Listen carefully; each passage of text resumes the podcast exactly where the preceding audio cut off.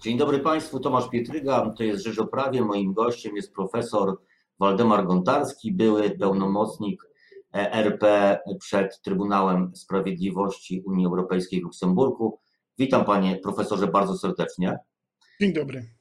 Panie Profesorze, czy zakończony szczyt Unii Europejskiej jest, jeśli chodzi o ostateczne wyniki, jest sukcesem Polski, czy porażką, bo pojawiają się różne interpretację tego, co się wydarzyło i na temat ustaleń. Panie redaktorze, no jako nieprawnik bym powiedział, że to jest wielki sukces. No jako prawnik słowa wielki nie będę używał, powiem, że stosunku, stosunku do tego, na co się zanosiło.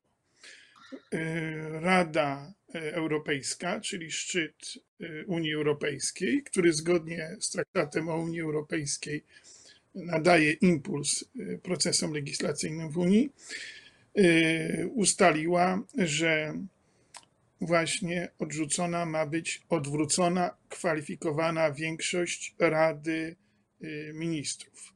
Czyli jeśli komisja dochodzi do wniosku, że w Polsce dochodzi do nieprawidłowości na tle praworządności, która to nieprawidłowość rzutować ma na budżet unijny, zarówno na budżet unijny, jak i fundusz e, rozwoju, to jest nowość, jak wiadomo, w związku z koronawirusem, wtedy komisja wnioskuje, aby wstrzymać to finansowanie i z budżetu unijnego, i z, z Funduszu Rozwoju dla Polski. I Rada Ministrów zatwierdza to właśnie kwalifikowaną większością. Natomiast gdyby było tak, jak projektowała komisja, że odwróconą, odwróconą kwalifikowaną większością, to Polska musiałaby zebrać kwalifikowaną większość, żeby odrzucić wniosek komisji. A to, co ustalono na szczycie, nie ma odwróconej kwalifikowanej większości, czyli komisja musi zgromadzić kwalifikowaną większość w Radzie Ministrów, żeby jej wniosek o obcięciu Polsce finansowania został uwzględniony. I to jest olbrzymi sukces Polski, że odrzucono odwróconą kwalifikowaną większość. Ale tutaj mamy dwie rzeczy.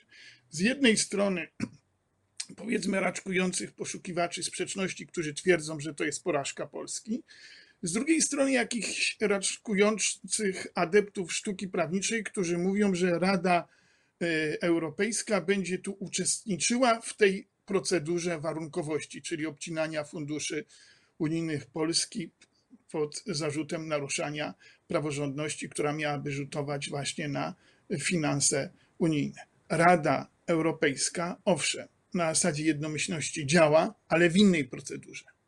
Y, z procedurze ochrony praworządności, ale musi to być zapisane w traktacie.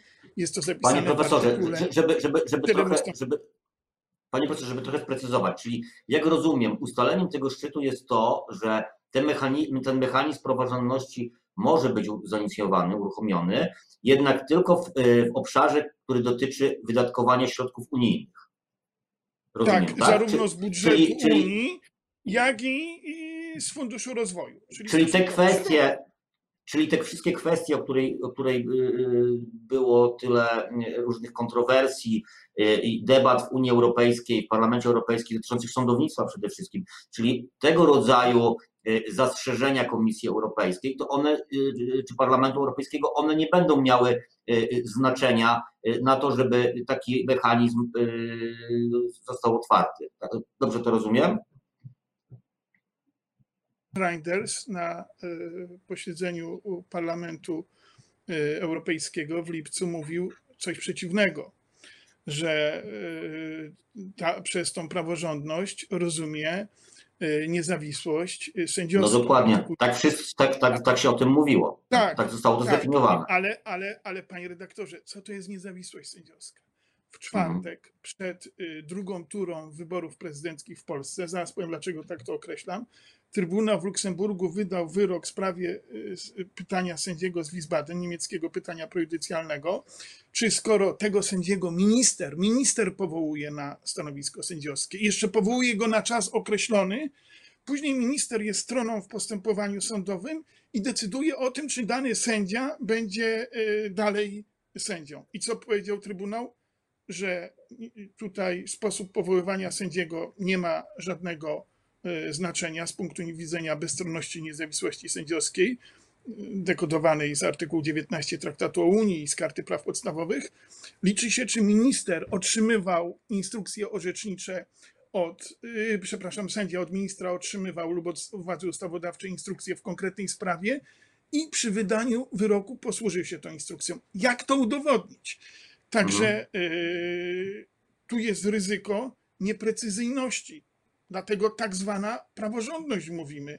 Jako prawnik z bólem muszę się podpisać pod tym hasłem. Tak zwana praworządność. Bo mhm. Komisja Europejska, gdy ja występowałem przed Trybunałem komisji zarzuciłem fałsz normatywny. Tworzenie y, prawa na użytek tego, żeby ukarać Polskę, że reformuje y, sądownictwo. I co? I to było w, wyrok, y, mhm. w postępowaniu w sprawie sędziego Tulei. Trybunał Persado mi przyznał rację. Panie, panie profesorze, panie, panie profesorze, wracając do szczytu, no ale dobrze, dlaczego tak się stało? Ponieważ wiele się o tym mówiło, kwestionując nie tylko kwestionując, ale nawet skarżąc do Trybunału w Luksemburgu, no, sędziowski system y, dyscyplinarny, już nie mówiąc o całej, y, całych kontrowersjach wokół Krajowej Rady Sądownictwa. Co się nagle stało, że, że to wszystko przestało mieć znaczenie finalnie, że nie ma tego y, mechanizmu ochrony praworządności, tak jak to przedstawiano na początku, że będzie właśnie taki bardzo, bardzo szeroki.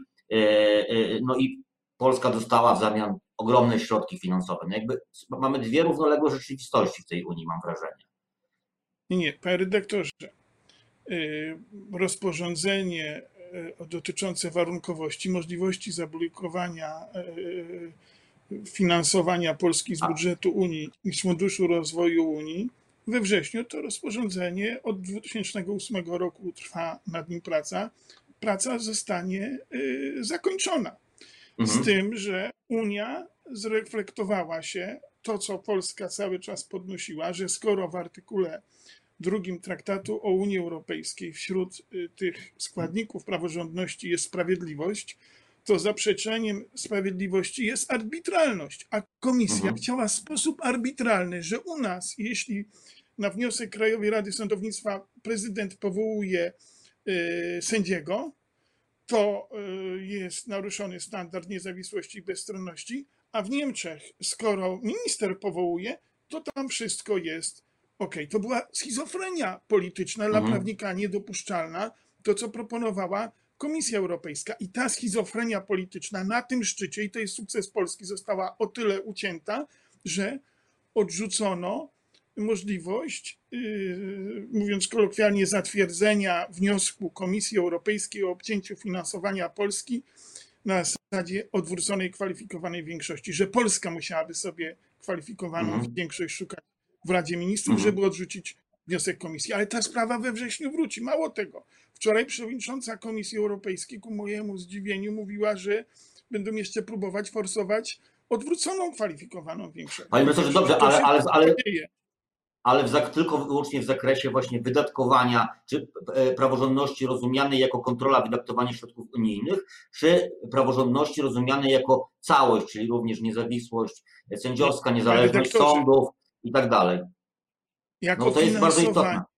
Środków unijnych, ale to jest powiązane z sądami, bo oni wychodzą, mhm. jak komisarz Reinders wychodzi z założenia, że bez niezawisłych sądów, że te niezawisłe sądy też mają wpływ na e, kontrolę wydatkowania środków unijnych na poziomie e, krajowym i że te, jeśli te sądy nie będą w ich rozumieniu niezawisłe, mówię w ich rozumieniu, bo w Polsce jest wyższy standard niezawisłości niż w Niemczech, a w Niemczech Trybunał orzeka, że wszystko jest ok, a komisja E, skarży mhm. Polskę, że w Polsce jest źle, skoro jest wyższy, mimo że jest w Polsce wyższy standard niezawisłości, to ta sprawa za chwilę we wrześniu wróci i tutaj w tej chwili toczy się bujoto, w jakiej postaci wróci. To, że mhm. będą no tak, ale... E, mhm. tylko funduszami unijnymi to będzie powiązane, zgoda, ale co to znaczy powiązanie z funduszami? No panie profesorze, ale nie, znaczy, znaczy tyle, tyle można zrozumieć, że w Polsce nigdy nie było kontrowersji wokół wydatkowania e, funduszy unijnych i kontroli sądowej z tym związanej. No były e, kontrowersje związane z KRS-em, z systemem dyscyplinarnym, e, z, z, z, z powoływaniem sędziów, natomiast tej, ta kwestia nigdy nie była przedmiotem kontrowersji, również jeśli chodzi o, o forum Unii Europejskiej. Raczej takie kraje południa miały z tym większy problem niż, niż Polska. Chodziło o korupcję też y, na tle funduszy unijnych, żeby fundusze unijne nie, nie, nie, nie trafiały do kieszeni skorumpowanych, yy, skorumpowanych. Bo ja zmierzam do tego. Tego problemu ja zmierzam, nie ma. Tak, ja zmierzam do tego, że może ten, ten mechanizm, który zostanie e, wprowadzony, jest dla Polski po prostu niegroźny. Y, mechanizm jest niegroźny, jeśli zostanie zasada pewności obrotu prawnego zachowana, bo zobaczmy, co mówi służba prawna Rady, Rady Ministrów. Y, o tym projekcie rozporządzenia wymaga, by istnienie ryzyka y, naruszenia praworządności w kontekście tych środków unijnych określone zostało na podstawie jednoznacznych kryteriów i, i standardów nie ma jednoznacznych standardów i kryteriów w ocenie. O to chodzi, y, panie redaktorze. Mhm. Jeśli oni w rozporządzeniu wpiszą, tak jak jest do tej pory w projekcie tego rozporządzenia z 18 roku, nad którym teraz będzie procedowała Komisja Europejska i nad którym dzisiaj, w tej chwili, gdy my rozmawiamy z panem redaktorem w Parlamencie Europejskim, nad tym trwa y, debata y, na sesji plenarnej. Gdy będzie, będą te standardy na, na zasadzie, jakiej komisja będzie mówiła, że jest ryzyko powiązania Y, braku praworządności z funduszem unijnym, to ma być luźne ryzyko. A jak będzie luźne ryzyko, to właśnie będzie ta arbitralność, czyli zaprzeczenie y, sprawiedliwości, a my się chcemy, żeby, żeby wyeliminować tą y, arbitralność. My jako Polska rozumiem, ale jako każdy prawnik, bo każdy prawnik rozumie, że zaprzeczeniem sprawiedliwości jest arbitralność. A skoro służba prawna Rady, Rady Ministrów Unii Europejskiej w dokumencie, dokumencie niepublikowanym, ale, ale, ale, ale dostępnym w jakiś sposób dla prawników, ostrzega, że to jest na zasadzie arbitralnej te kryteria, że gdyby były one ostro określone, tak jak wymaga prawo, to rzeczywiście nic by nam nie groziło. Mhm. Ale jeśli będzie y, to kryterium arbitralne, na zasadzie bliżej niedookreślonego ryzyka, tak jak jest w tej chwili proponowane, to grozi nam, że w sposób arbitralny, z naruszeniem zasady sprawiedliwości Polsce zostaną odebrane fundusze unijne i w tej chwili jest to ryzyko. To ryzyko zmalało po szczycie, mhm. ponieważ odwrócono y, odrzucono, odwrócono kwalifikowaną większość. Panie profesorze, ale no, tyle jest kontrowersji wokół praworządności, czy nawet podejścia do praworządności, zwłaszcza jeśli chodzi o no właśnie ten, ten, ten konflikt, nazwijmy to Warszawy z Brukselą, może potrzebna jest i pewne takie decyzje, które zapadają, które są nie do końca zrozumiałe i nieostre. Może potrzebna w Unii jest jakaś debata na ten temat, może, może podejście do, do, do kwestii traktatowych powinno, powinno się rozpocząć, żeby tą kwestię jakoś no, unormować. No, mamy wyrok w Karlsruhe, o którym Pan wspominał, również w, w Trybunale Niemieckim. No, coś tutaj jest chyba niedopracowanego jednak w tym traktacie i w tym podejściu interpretacji y, y, Unii do, do, do praworządności w poszczególnych państwach Unii. Latem zeszłego roku ostrzegałem Trybunał Sprawiedliwości, żeby wobec Polski nie orzekał w sposób y, arbitralny, wobec reformy sądownictwa.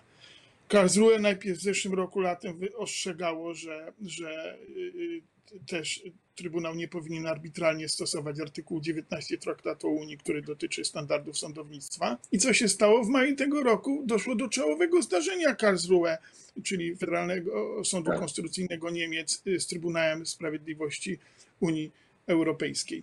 Polska, moim zdaniem, powinna zainicjować reformę sądownictwa w Trybunale w Luksemburgu nie ma środków odwoławczych. Od wyroku Trybunału w Strasburgu państwa mogą się odwołać do Europejskiego Trybunału Praw Człowieka, jeśli pan redaktor tego dotyka.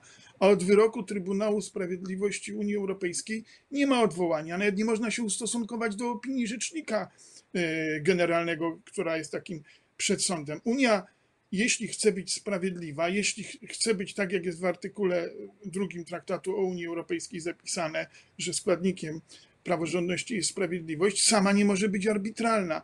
A w tej chwili to rozporządzenie o warunkowości, czyli y, powiązaniu y, praworządności z budżetami unijnymi, pod płaszczykiem powiązania z funduszami unijnymi, chce się rozszerzyć na całą reformę sądownictwa i to się robi poprzez nieostre kryteria, a nieostre kryteria to wprowadzają niepewność prawną, która jest no, zaprzeczeniem prawa. Panie profesorze, tutaj musimy postawić y, kropkę, bo czas nam się skończył. Bardzo dziękuję za rozmowę. Profesor Waldemar Gontarski, były pełnomocnik rządu y, przed Trybunałem Sprawiedliwości w Luksemburgu, y, był moim gościem, a ja zapraszam na poniedziałek na Rzecz o Prawie. Do widzenia.